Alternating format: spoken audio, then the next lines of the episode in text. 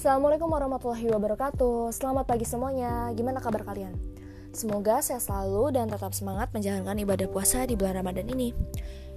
Menghadapi Ramadan yang berbeda adalah tantangan bagi seluruh muslim saat ini. Dan baiknya agar seluruh muslim dapat memaknainya dan memanfaatkan momen Ramadan ini dengan memperbaiki diri. Baik dari kualitas akhlak, ibadah, dan adab intelektual serta wawasan baik keagamaan dan lain-lain. Berbicara mengenai akhlak, dalam Ramadan ini, dunia maya dihebohkan dengan adanya krisis akhlak dari para netizen Indonesia. Sebetulnya, kasus-kasus semacam ini tuh sudah sangat sering terjadi, namun baru up-up lagi nih sekarang-sekarang karena kasus-kasus sekarang ini benar-benar merasakan dan mempermalukan warga Indonesia di kancah internasional. Ya udah kita bahas aja nih ya satu-satu dari kronologinya serta bagaimana seorang mukmin yang beradab seharusnya menyikapi kasus-kasus dari krisis adab yang terjadi. Pertama adalah skandal psikolog praktisi Dedi Sutanto yang menerima tuduhan melakukan pelecehan seksual bahkan memperkosa pasiennya. Sampai akhirnya ia melakukan pembelaan terhadap tuduhan-tuduhan dari artis-artis Indo nih banyak artis-artis Indo yang pernah mungkin apa namanya konsul ke dia atau beberapa orang-orang kaya yang orang-orang terkenal yang atau beberapa pasien yang emang bener-bener butuh konsul sama psikolog terkenal gitu kayak dia wah kan udah kondang banget. Nah akhirnya dia bikin video testimoni pasien yang menyangkal tuduhan tersebut tapi didapatkan bahwa ternyata videonya ini palsu. Videonya ini berbahasa Indonesia, padahal videonya itu dicomot dari video salah seorang selebgram di Kamboja.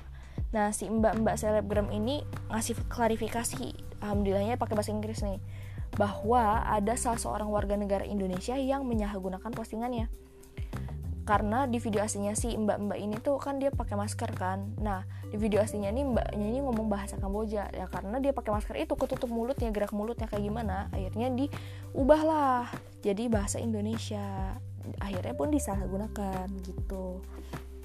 Ini kan parah ya secara kita uh, kasus ini tuh emang lagi masih masih proses hukum uh, masih di bawah gitu masih di dalam pokoknya proses-proses pelaporan masih di masih diurus lah gitu. Tapi kalau sampai uh, ngambil nyomot-nyomotnya ke mana? Ke negara lain. Kayak apa ya? Ya setidaknya malu-maluin Indo lah. Ngerasa gak sih kayak Indo tiba-tiba ngapain nih ada warga warga negara? Nggak kirain waktu udah selesai kasus ini ya udah toh kasus ini doang gitu yang bakal udahan kali ya. Ternyata mulai rame lagi ketika adanya pak uh, viralnya nih pangeran Martin yang ketewa wah ada pangeran ganteng dari negara tetangga. Wah gila sih ini. Sekelas lambang negara tetangga gitu ya seorang pangeran. Nggak luput dari komentar-komentar kotor dari jari-jari netizen Indonesia. Sampai dikabarkan akun pacarnya pangeran Martin ini sampai ikut-ikutan juga di dihujat netizen Indo. Kalau nggak salah sampai pernah di report gak sih?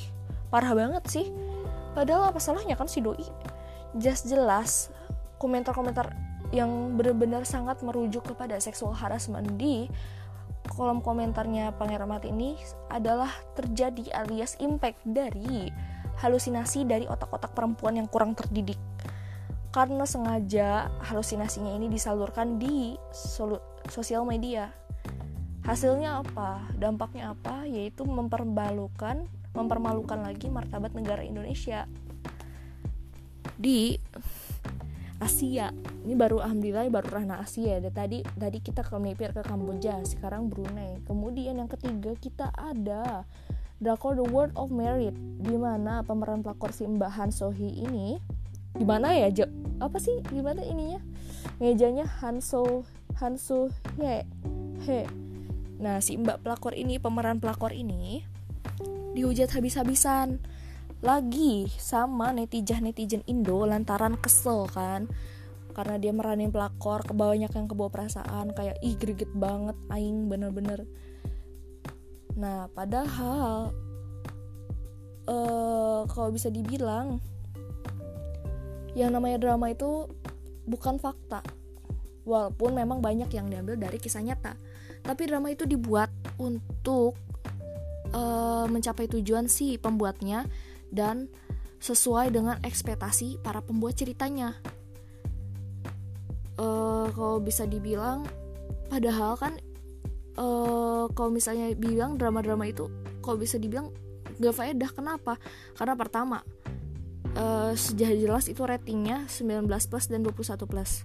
Tapi ketika masuk Indonesia kita nggak punya saringan itu dinikmati saat dari anak SMA yang baru baru kelas 1 juga nonton itu yang penting drakor gue nonton kan gak peduli. Kita tuh udah saringan kominfo tuh udah uh, gimana kali? Udah tahu sendiri kan?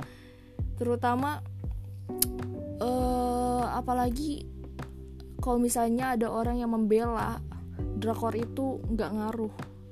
Gue tahu itu cuma halusinasi.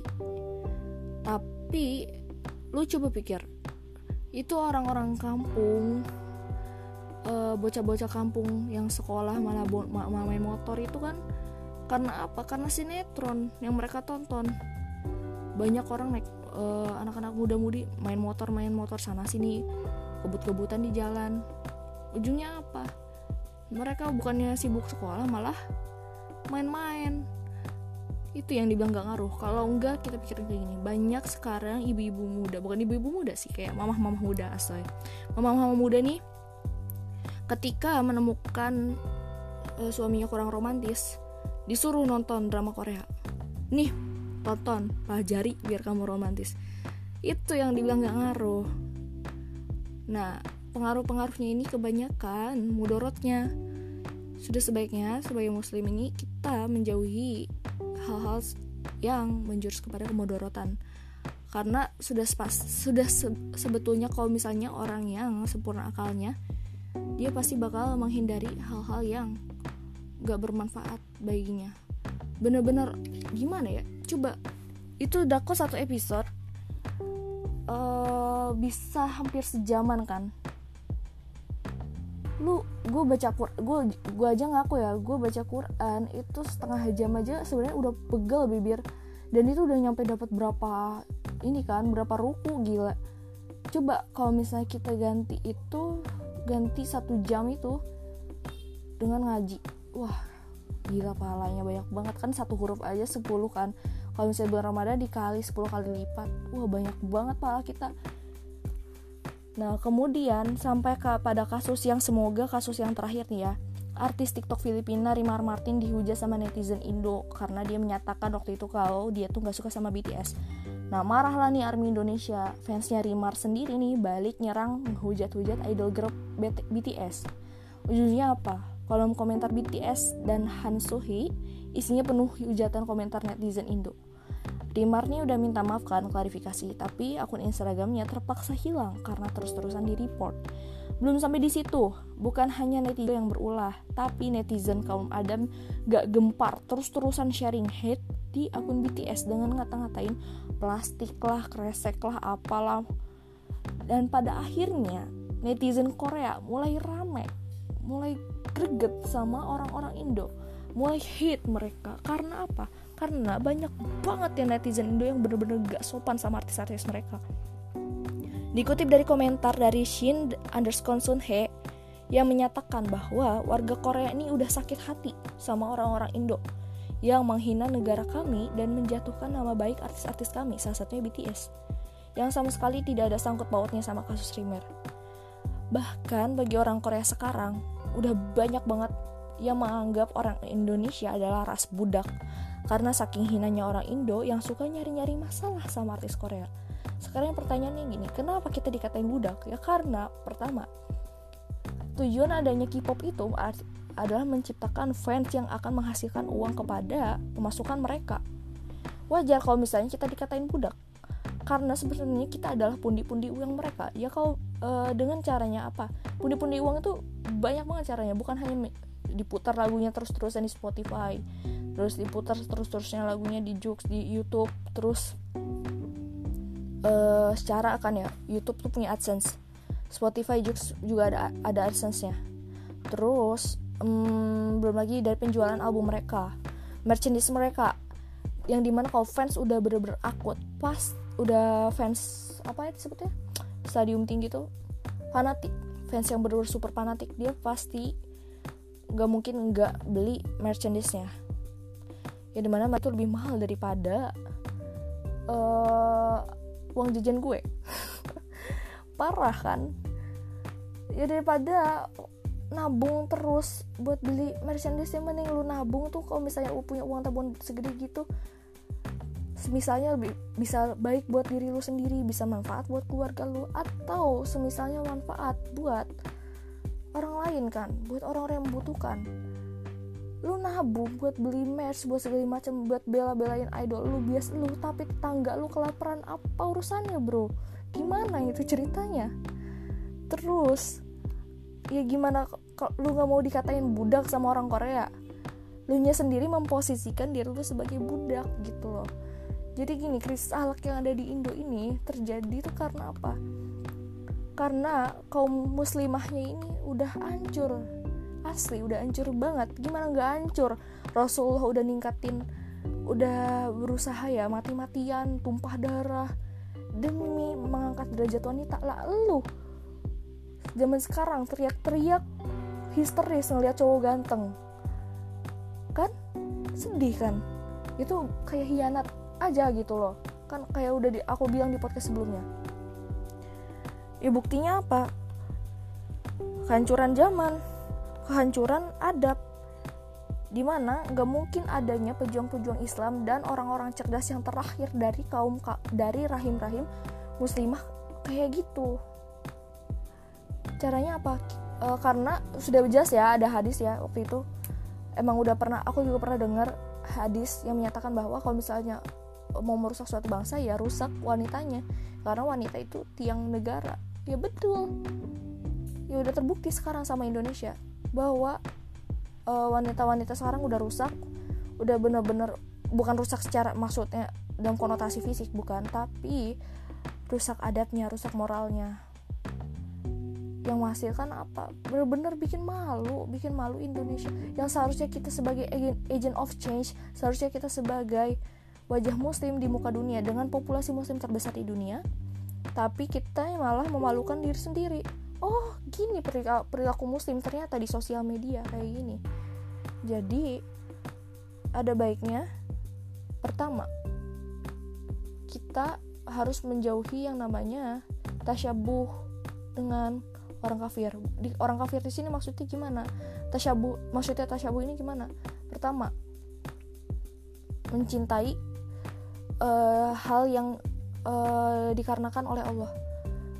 Ka, uh, maksudnya dengan mencintai hal itu tambah iman kamu terhadap apa sama Allah. Gak mungkin kan dengan adanya misalnya uh, gue ngefans sama Imagine Dragons. Gak mungkin uh, gue tiba-tiba gara-gara uh, denger lagu Imagine Dragons gue malah jadi rajin sholat. Gak mungkin karena apa karena lagu-lagu mereka tes, produk mereka tersebut gak ada sama sekali yang menyuruh menyuruh kepada dakwah. Gak ada. Gue pukul rata. Gak semua gak hanya artis-artis Korea. Tapi semua artis-artis apa pun itu. Ketika eh, produk-produk mereka tidak menyeru kepada Allah tidak menyeru kepada agama Allah berarti mereka memang tidak ada visi untuk uh, menciptakan produk yang akan meningkatkan ketakwaan kita kepada Allah. Jadi ketik beda hasilnya ketika kita menyukai nasyid, menyukai sholawat, beda banget impactnya. Gitu. Hmm, jadi lebih baik pada Ramadan ini kita lebih baik banyak-banyak muhasabah diri dan uh, setidaknya mulai belajar yang namanya syariat. Karena ini udah bener-bener akhir zaman dan uh, kasus-kasusnya ini sangat-sangat kasus-kasus uh, yang terjadi sangat-sangat uh, memalukan negara ya. di mana negara kita udah udah mulai lumpuh ya sam, jangan sampai nama nama baik kita juga lumpuh. Dari segi ekonomi dari segi uh, kemajuan teknologi kita tuh udah tertinggal jauh jangan sampai nama baik kita yang udah kita kasih pencitraan sekian puluh tahun harus rusak lagi kan? Ya udah sekian gitu aja. Makasih thank you for listening. Merci, arigatou gozaimasu, syukron, wassalamualaikum warahmatullahi wabarakatuh.